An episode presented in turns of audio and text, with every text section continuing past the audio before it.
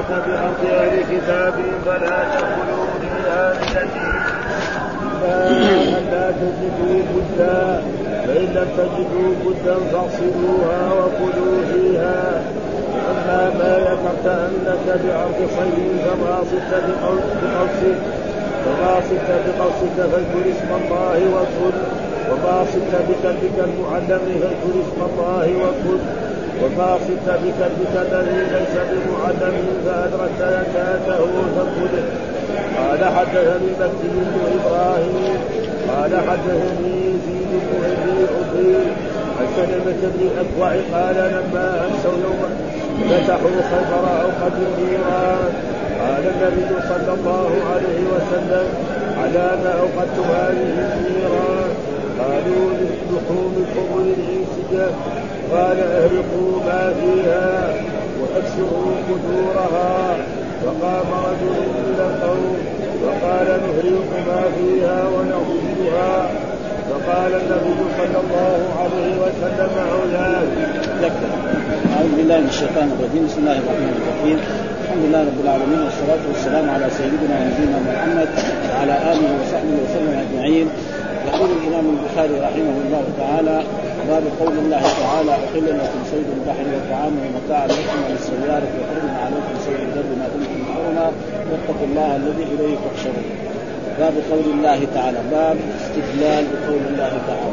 هذا المراد هذا شرح قول الله تعالى. الشرح والاستدلال. لماذا أتى الإمام البخاري في هذه الآية في هذا الباب يستدل بها على حكم أحكام الشرع وهو أن صيد البحر حلال سواء وجده الإنسان أخرجه حيا أو وجده ميتا فله أن يأكل. وحل لكم صيد البحر كما أن الحيوان الذي في البر لا يحل نعم إلا بذبحه وتسميه اسم الله عليه.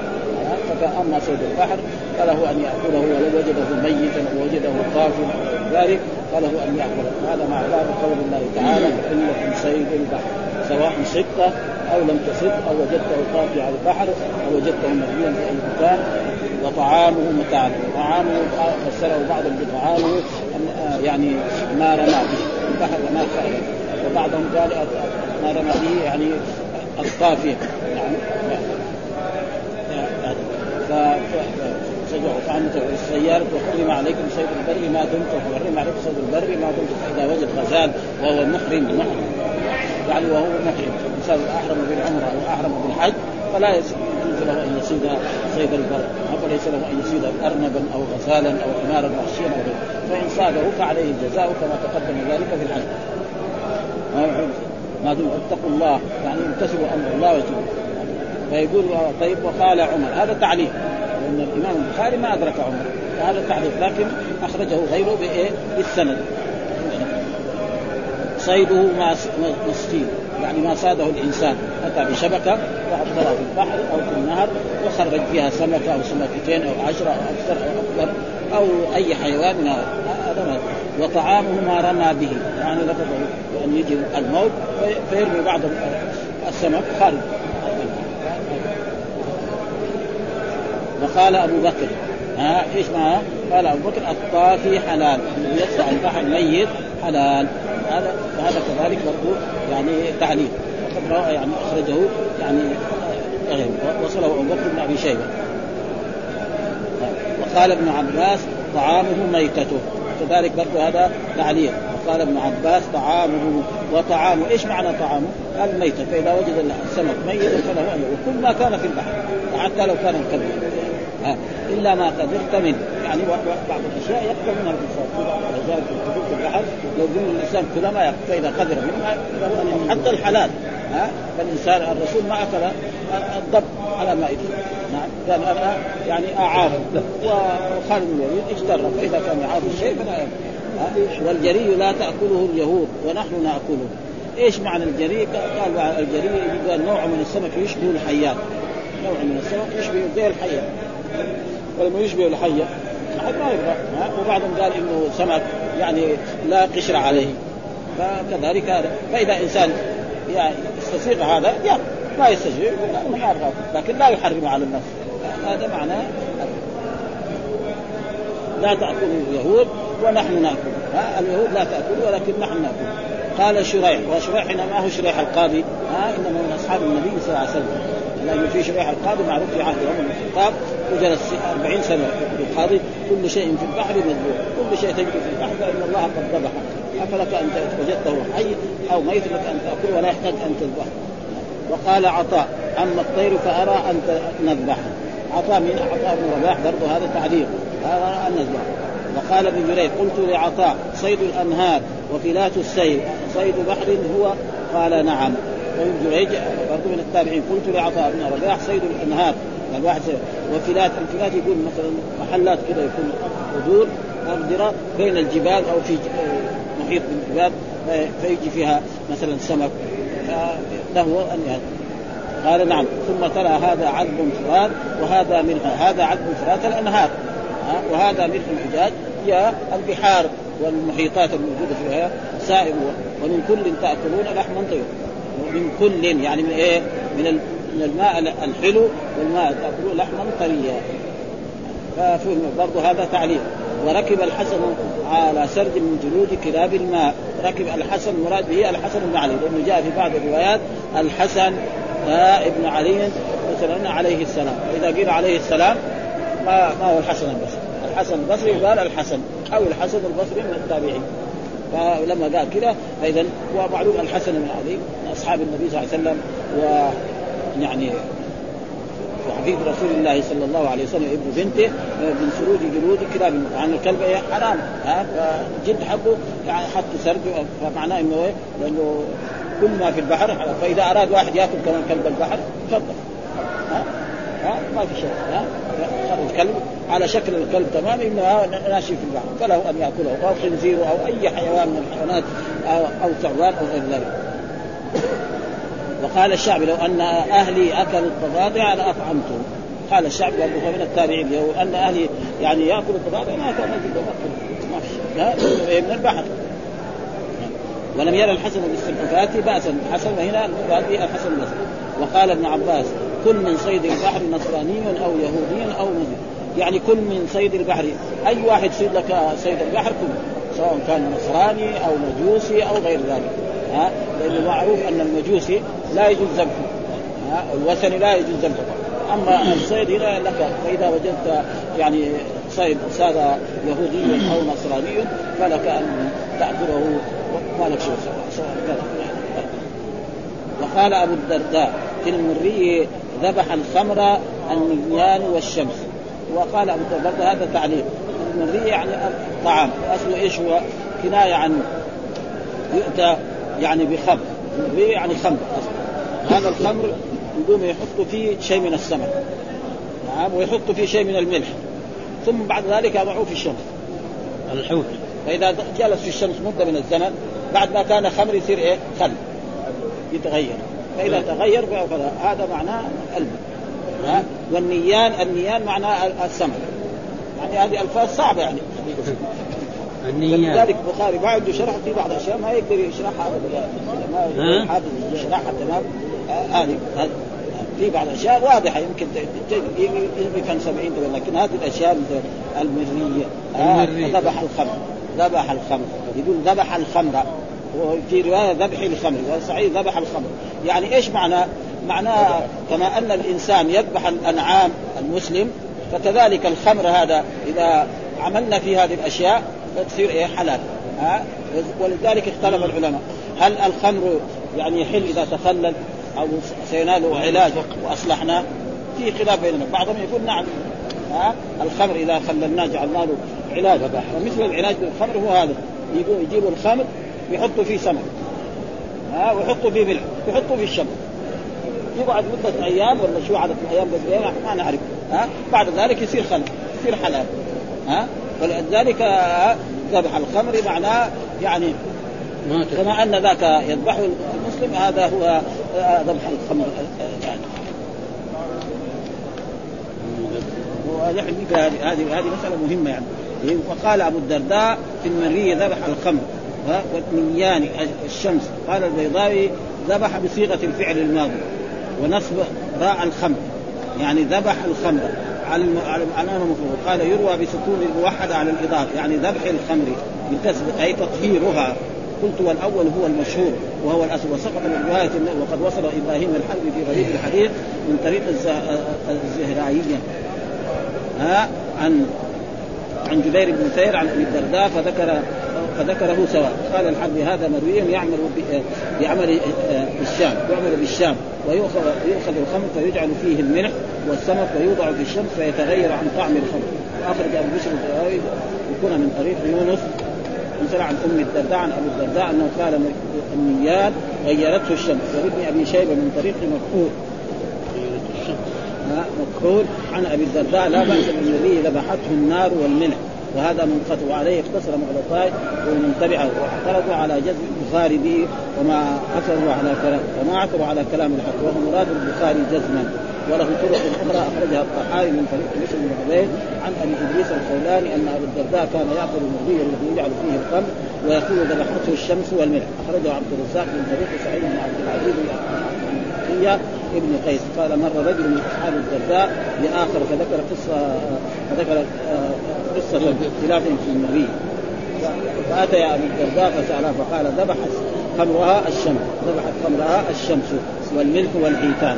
ورويناه في جزء إسحاق بن الخير من طريق عطاء بن قال سئل ابو الدرداء عن اكل النبي فقال ذبحت الشمس سكر الخمر فنحن نأكل ولا نرى به باسا. وقال أبو موسى في بين الغريب عبر عن قوة الملك والشر وغلبتنا على الخمس وإزالتنا طعمهما ورائحتنا بالدم وإنما ذكر النيان دون الملح لأن المقصود من ذلك يحصل بدونه. ها النيان هو إيه؟ النيان هنا بمعنى يعني السمك.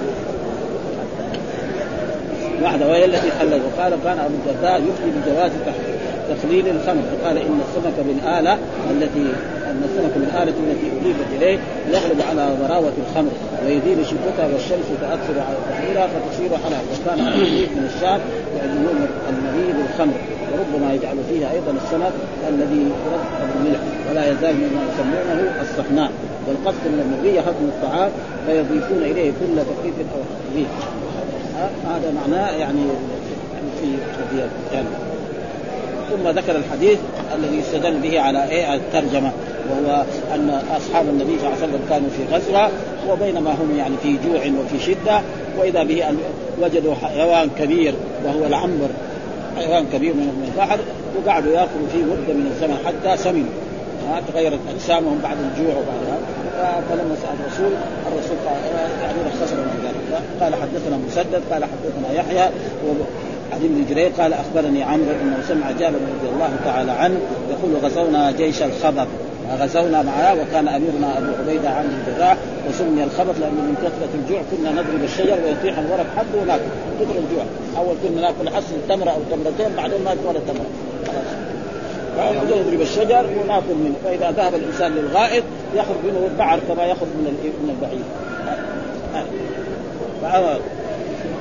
وأم وامر أبو عبيدة ها يعني أمر الرسول أبو عبيدة فجعنا جوعا شديدا فألقى البحر حوتا ميتا لم يرى مثله حوت كبير ميت يقال له العنبر فأكلنا منه نصف شهر وكانوا 300 300 يعني لما يقعد يأكل في اللحم معناه شيء كبير جدا نعم نصف شهر فأخذ أبو عبيدة عظما من عظامه فمر الراكب تحته يعني عظم من عظام الظاهر الكبيرة وحطوا وركب الإنسان على بعير ومشى من تحت معناه إنه كان تقريبا يمكن يعني أربع أمتار ولا ثلاث امتار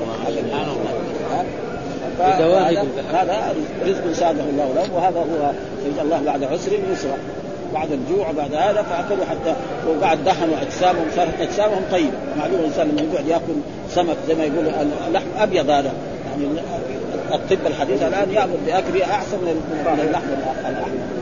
في فوائد وفي فيتامينات وفي كل شيء من اعضاء فمر الراكب تحته ومحل الشاهد انه إيه يعني أحل لكم صيد البحر. هذا تمام مطابق للترجمة تمام.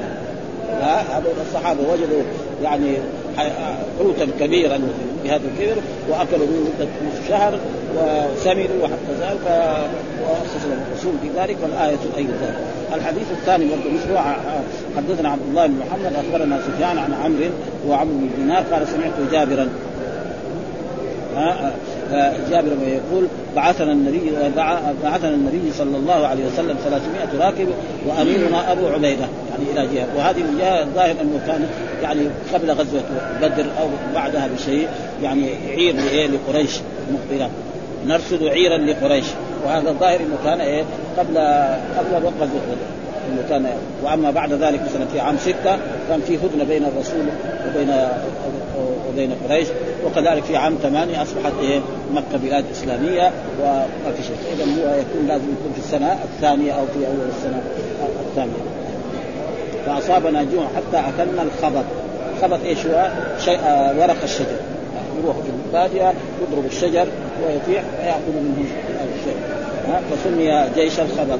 وألقى البحر حوتا يقال له العمر فاكلنا نصف شهر واتهمنا بودكه يعني شحمه الودك والشحم حتى صح أجزاء صلحت أجسامنا. يعني صار أجسامنا تتنور معلومة الانسان اذا اكل وشرب يعني وجهه غير وجه الجوعات شيء مشاهد ابدا.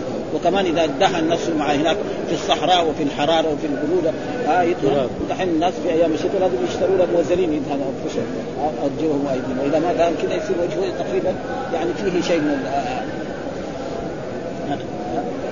حتى صلحت السامة قال فأخذ أبو عبيده ضلعا من أضلاعي فنصبه فمر الراكب تحته.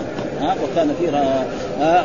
وكان فينا رجل فلما اشتد الجوع نحر ثلاث. وهذا الرجل هو يعني ابن سعد بن معاذ. كان معنا في الجيش هو يعني من أصحاب النبي صلى الله عليه وسلم ومن الجيش فصار يشتري اشترى لنا أول ثلاثة جزر وذبحوها واكلنا ثم بعد ذلك اشترى ثم بعد ذلك اخبر الرسول فقال إنه إذا ذبح ذبح بعد ذلك يصير عليه دين كثير فالرسول أمره وظل يمتنع فامتنع عن إيه؟ عن شراء ثم في أحاديث كذلك الذي يدل على هذا قله صيد البحر و سئل الرسول عن صلى الله عليه وسلم عن البحر ها؟ قال هو الطهور ماء والحل ميتته والحديث هذا له سبب وله قصة أن بعض الصحابة سألوا الرسول صلى الله عليه وسلم فقالوا يا رسول الله إننا نركب البحر وليس معنا من الماء إلا القليل. يعني ليس معنا من الماء إلا قليل. فإذا توضأنا بعد ذلك نعطش. أنا أتوضأ من أنا أتوضأ من من ماء البحر. قال لهم الرسول نعم ها؟ قال هو الطهور ماؤه والحل ميتة. يعني زادهم. والطهور ماء لأن ماء البحر نتن. عفن ها؟ وزادهم. والحل ميتته وهذا هو تقريبا يعني والحديث أخرجه أصحاب السنن وأخرجه الامام ولذلك تقريبا يعني مطابق فكل شيء يوجد في البحر فالإنسان ان أن يأكله. وكان فينا رجل وهذا الرجل هو يعني ابن سعد بن معاذ. رضي الله تعالى عنه. هو الذي كان اشترى وكان يشتري من بعض الأعراب. يعني الجذور الأول على أن يعطيه في في المدينة من اغنى الناس أبوه. يجي في المدينة في وقت الجهاد فيعطيه على كل بعير خمسين وسقا من التمر. ف... ف يعني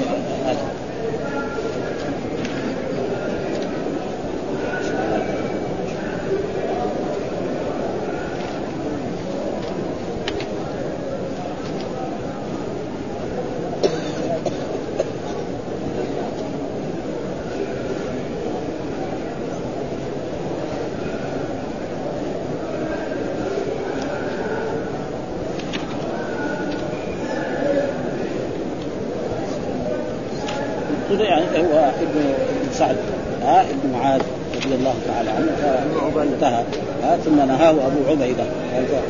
فلما اشتد الجوع نحر ثلاثة جزء كان يشتريها ثم ثلاثة جزء ست جزء ثم نهاه أبو عبيدة. فانتهى بعد ذلك وكان يشتريها من بعض الأعراب. على أنه تجي في المدينة في أيام النخل. وأنا أعطيك عن كل بعير. يثق بعضهم ببعض العرب وكان من أصحاب النبي صلى الله عليه وسلم. وهو من ذلك. والحديث الذي كذلك يدل على ذلك مثل الآية. هو يعني حديث يعني يا رسول الله أنا نركب البحر وليس معنا من الماء إلا الشيء القليل فإن شربناه يعني فان توضأنا به يعني عطشنا. يعني أنا اتوضا من ماء البحر قال هو الطهور ماء الحل طهور ماء الحل ميت. يعني زيادة علمية. وهذا لا بقى يعني تعارف الرسول عن مطلق علميه يزيد كما وكان هو الجواب اللازم قال هو الطهور ماء. خلاص ها لكن الحل ميتته هذه فائدة ثانية. فإذا شكوا في الماء الميته يكون إيه؟ من باب اولى واحرى يكون عندهم شك فيها. ها لأن الميتة معروف حرمت عليكم الميتة. يأكل الميتة هذا كله. فظل أي إنسان يجد شيء السبب ميت فله أن يأكله وله ان يستفيد منه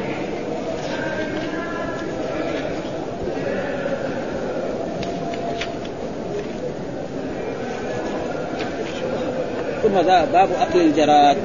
ها كذلك أكل الجراد جائز. ها فإن الصحابي يقول يعني غزونا مع النبي صلى الله عليه وسلم سبع غزوات أو ستة كنا نأكل معه الجراد معه. ها؟ معه كمان يعني كان الرسول يعني إيه؟ هل الرسول أكل معهم؟ يمكن. ويمكن كان معهم في الغزو وما يأكل. مثل ما لم, لم يأكل الضب. ها؟ لأنه في بعض الناس يعني في بعض الناس مرة يكرهون يعني أكثر من شغلنا من الشعوب العربية المصريين مستحيل يأكل الجراد هنا في الحجاز الباديه والعرب ابدا كان اول دحين صممونه ما حد يقدر ياكل يعني منعوا يعني في الصحف في الجرائد في الاذاعات على انه لا أحد ياكل إيه؟ الجراد هذا. لأنه كله تقريبا يعني الغوا عليه الاشياء لأن الأول كان ياكل ويباع. ليش ما في تقول يا حرام يسموه. ها؟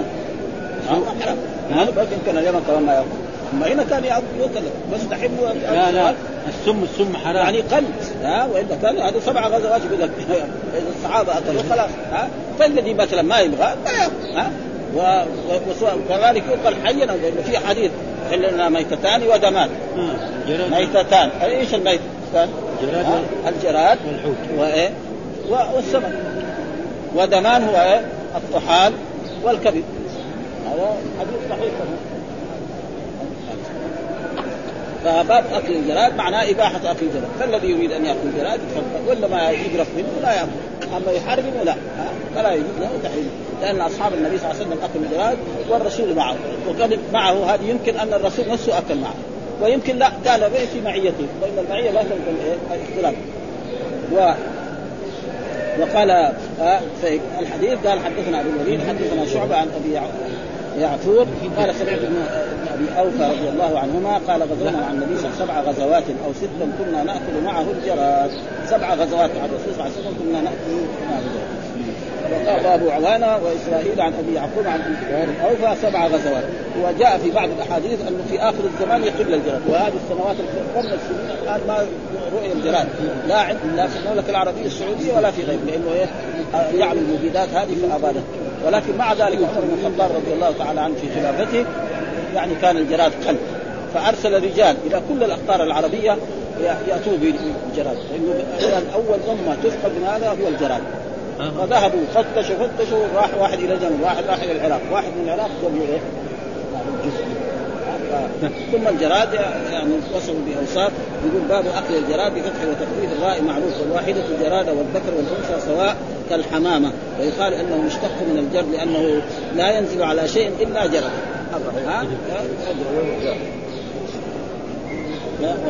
وخلقة الجراد عجيبة فيها عشرة من الحيوانات.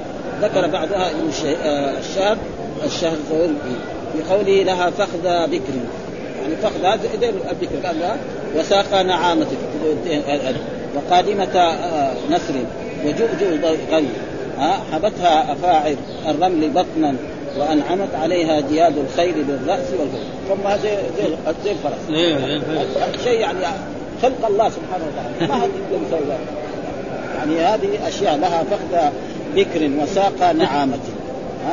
قادمة نسر وجؤجؤ ضيغمي حبتها افاعر رمل بطنا وأنعمت عليها جياد الخيل بالرأس وقيل والفم وقيل فاته وقيل فاته عين الفيل. كمان عينها كبيرة كده.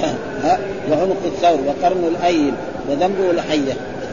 يعني هذا يعني الشاعر قال هذا وقال بعضهم إنه فاته ان يذكر هذه الأشياء. عين الفيل. فان عينها بثار وعنق الثور وقرن الأيل وهما سلطان طيار مختار ويبيض في الصخر. هذا. طيب واختلف في أصله فقيل إنه نثرة حوت. نثرة حوت لا كان نثرة حوت معناه إنه إيه؟ يجوز اكله ولذلك كان أكله بغير زكاة. وهذا ورد في حديث ضعيف خرج ابن ماجه عن أنس رفع أن الجراد نثرة حوت من البحر ومن حديث أبي هريرة خرجنا مع رسول الله صلى الله عليه وسلم في حج مع عمرة فاستقبلنا رجلا رجلا من جراد فجعلنا نضرب نضرب بنعالنا وأصواتنا. فقال خذوه فإنه من صيد. البحر أخرجه أبو داوود والترمذي وابن ماجه وسنده ضعيف. ولو صح لكان فيه حجة لمن قال لا جزاء فيه إذا أخذه وجمهور العلماء على خلاف. كثيرا مرات يوجد في مكة مرة من المرات أنا جيت في مكة والناس كانوا يصيدون. حصل يعني شك من هذا الموضوع. يعني في مكة معروف ما يصاد إذا كان فهذا هو الخلاف اللي خلى بعضهم. ويقول أصح الأقوال أنه صيد أن الإنسان إذا صاده في مكة أو ونبه وهو محرم عليه جزاء. ولكن الجزاء يكون ما يشتري له بعير ولا يشتري له شاة. يطعم طعام بسيط. لأن يعني الجراد شيء يعني ما هو يعني هذا. وقد أجمع العلماء على جواز اكله بغير تذكية إلا أن المشهور عند المالكية إشتراط تذكيته واختلفوا في صفته يعني لا يشترك فقيل بقطع رأسه وقيل أن وقع إن وقع في قدر أو نار حل وقال ابن وهب آخذه زكاته. فهذا زي السبب. ووافق مصرف منهم الجمهور بأنه لا يفتقر إلى زكاة. في حديث ابن عمر حلت لنا ميتتان ودمان السمك والجراد والكبد والطحال. أخرجه الدار أخرجه أحمد الدار قطن وقال لو أن الموقوف وقال إن الموقوف أصح. ورجح البيهقي أيضا الموقوف إلا أنه قال إن له حكم إن مين يقدر يحلل ويحرم؟ ما حد يقدر يحلل. الصحابي ما يقدر يقول هذا حلال وهذا حرام. فهذا يعني يعطى حكم الموضوع ولأجل ذلك الجراد على كل حال من الأشياء التي يجوز الإنسان إذا ولد ميتة أن يأكلها وليس عليه شيء في هذا الموضوع. وإذا كان يقرف منها فله.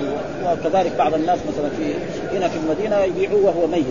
يعني يأخذوه يبيعوه هنا كان تمام يعني. في نجد لا ما يشترى إلا بشرط أن يكون حي. يعني يجيبوا يشتريه بشرط أن يكون حي يجيبه في أكياس ثم يكون حي ثم بعد ذلك هم اللي يشتريه يقوم إيه؟ يغلي الماء ثم يرميه في نفس الماء. ها فيموت من إيه؟ وإذا كان ميت ما يقبلوه. ابدا ها؟ الناس على كل حال يعني هو ولو كان ميت جائز. ما ما في أي شيء. ها؟ ها؟ لا يحطون في ما يحطون في النار يحطون ماء حار يرموا في إيه؟ ولا يشتروا إلا بهذه الطريقة. الآن لا ما في يعني الجراد ما حد يبغى ثم يقولوا أن الجراد يعني إذا كثر يرخص اللحم. الناس الخضراء يعظم الجراد ياكلوا هو في يعني مر على كثير من الأشجار. يمكن في أشياء ويشربوا الماء حقه يعني. ففي أشياء يعني في فوائد. لكن الآن لا, يخرج احد الآن كثر. يعني كل الجهة الغربية فيها الجراد. من جدة وال جهة الساحل إلى اليمن وكل هذه وكل جهة من أفريقيا لأنه امطار غزيره وإلا أول سنوات ما في ابدا. وهذا زي ما يقول من أول الأمم الذي آه الذي تكلى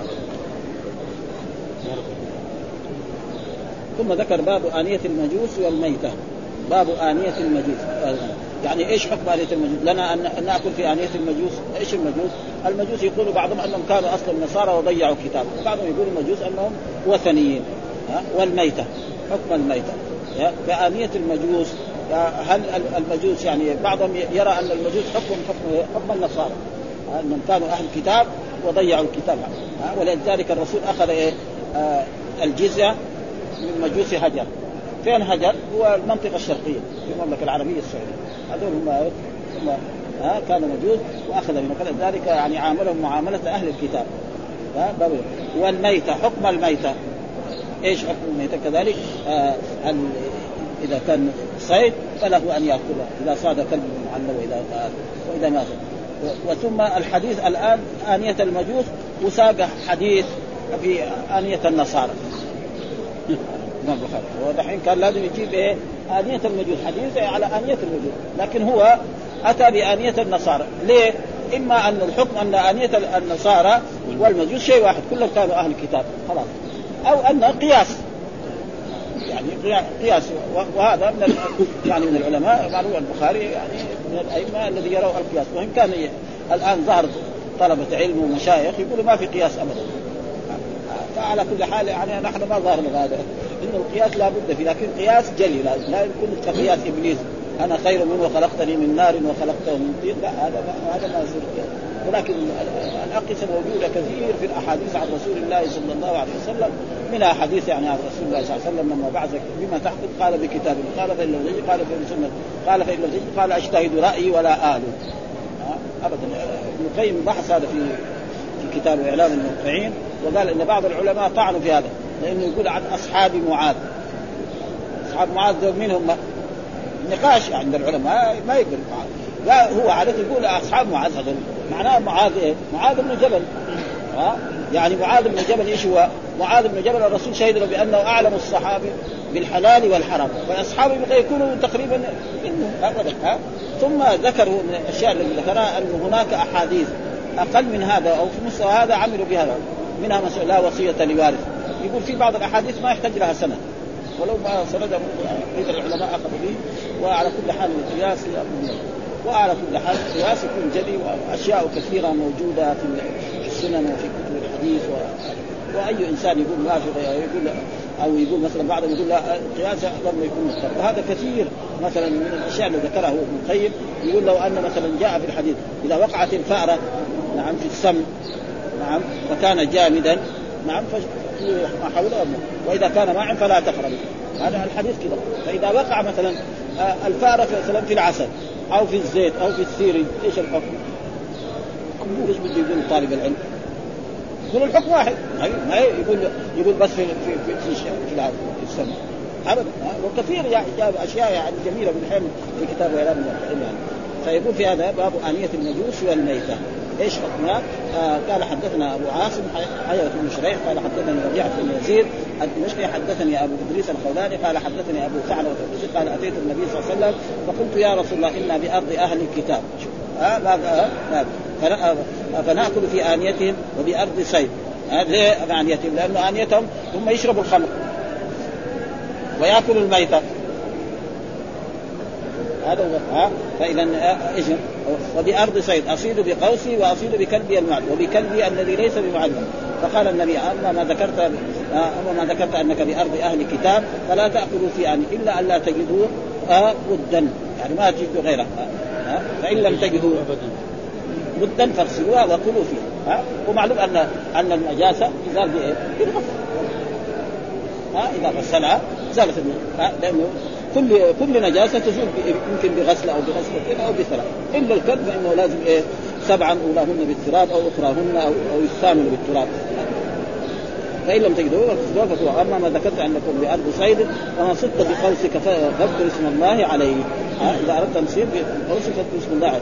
وكل ما وكل وما صدت بكلبك المعلم فاذكر اسم الله عليه وكل وما صدت بكلبك الذي ليس زكاته فكل وأما إذا تركته ميتا فلا تأكل. لأن هذا الكلب المعلم. والكلب المعلم كيف نعرفه؟ الكلب المعلم هو الذي إذا أمرته ثمر وإذا نهيته انتهى. بهذا يعرف الكلب المعلم من غير إيه وثم الحديث الثاني ومحل الشاهد يعني آه، حدثني المكي بن إبراهيم قال حدثني يزيد بن عن سلمة بن الاكوع قال لما امسوا يوم لما فتحوا خيبر اوقدوا الميراث. قال النبي صلى الله عليه وسلم على ما أوقدتم قالوا لحوم الانسيه ها قال أهليكم ما فيها واغسلوا قبورها فقال رجل من القوم فقال نهريكم ما فيها ونغسلها فقال النبي صلى الله عليه وسلم أود ها وهذا في هذا الحديث لما أمسوا في خيبر وكان يعني معهم شيء من أوقدوا النار وقال النبي على ما أوقدتم قالوا لكم الحمر الانسيه الحمر الإنسية الحمر التي تانس من الإنسان. لا تفر إذا رأت بني آدم.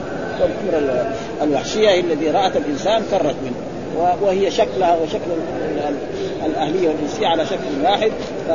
فقال اهليكم فأمر بإيه؟ بها واغسلوا خدورها ليه فقال رجل من القوم لا نهريق ما فيها ونغسلها. فقال وهذا فهم من ذلك أن النجاسة تزال بإيه؟ يعني بغسلها وان أن الخمر الاهليه سواء ذبحت أو لم تذبح هي ميتة. لا يجوز للانسان أن يعني يعني يأكل لحمها ابدا وقد اختلف العلماء إيش السبب في تحريم الخمر الاهليه قال بعضهم إنها كانت هي الحموله لأنه لو كانوا ذبحوها ذبحوها بعدين كيف يرجعوا إلى المدينة؟ والصحيح أن الرسول حرم فيجب إيه؟ أن الإنسان يعمل الرسول صلى الله عليه وسلم وأنه لا يجوز وهناك جاء في بعض الأحاديث أن الرسول حرم يعني الاهليه وحرم المتعة ثم بعد ذلك رخص ذلك في إيه؟ ثم بيجي الحمر الآلية قال باب آلية المجوس قال كذا ترجمة وأتى بحديث أبي ثعلب وفيه ذكر أهل الكتاب فلعله يرى أنهم أهل الكتاب وقال ابن النمير ترجم للمجوس للمجوس والأحاديث في أهل الكتاب لأنه ولأنه بنى على أن المحذور منهما واحد وهو عدم توفيهم النجاسة كل لا يتوفى. وقال أو حكموا أو حكموا على أحدهما بالقياس على الآخر. وباعتبار أن المجوس يزعمون أنهم أهل الكتاب قلت أحسن من ذلك أنه أشار إلى ما ورد في بعض طرق الحديث مخصوصا على المجوس. فعند الترمذي من طريق عن أبي ثعلبه إلى رسول الله صلى الله عليه وسلم عن حضور المجوس. فقال انقوها غسلا واطبخوا فيها. يعني هذا الحديث ما هو على شرط البخاري ولذلك حتى إيه آنية المجوس. في الترجمة وجاب الحديث الذي على على شرط الإمام البخاري وحطه في في في مسلم أن نمر بهذه اليهود والنصارى والمجوس فلا نجد غيره وهذه طريقة يذكر منها البخاري كما كان في سنده مقال يترجم به ثم يورد في الباب ما يؤخذ الحكم منه بطريقة الحاق ونحن الحكم في آنية المجوس لا يختلف مع الحكم في آنية الكتاب لأن العلة إن كانت آه لكونهم تحل ذبائحهم كأهل الكتاب فلا إشكال. أو لا تحل كما سيأتي البحث فيه بعد أبواب وتكون الآنية التي يطلقون فيها ذبائحهم ويغرقون قد تنجست بملاقاة الميتة فأهل الكتاب كذلك باعتبار أنهم لا يتزينون باجتناب النجاسات ولأنهم يدخلون فيها الخنزير ويضعون فيها الخمس وغيرها. ويؤيد الثاني ما أخرجه أبو داوود والبزار عن جابر كنا نقدم على رسول الله صلى الله عليه وسلم ونصيب من آنية المشركين فنستمتع بها فلا يعيد فلا يعيد فلا يعيد ذلك علينا. ولفظ في داوود ونغسلها ونأكل منها. والميت قال ذكر الميتة على أن الحمير لما كانت محرمة لم تؤثر فيها الزكاة فكانت ميتة. كذلك المحرم إذا صاد ها فإنما صاده حكم حكم الميتة ما يقول واحد مثلا يقول محرم على سكة حمار أو حساب أنتم تعالوا غير المسلمين كلوها ما يجوز. ما دام هو ذبحها خلاص لا هو يأكلها حكمها حكم الميتة ولا يجوز له غير ذلك. الحمد لله رب العالمين وصلى الله وسلم على نبينا محمد وعلى آله وصحبه وسلم.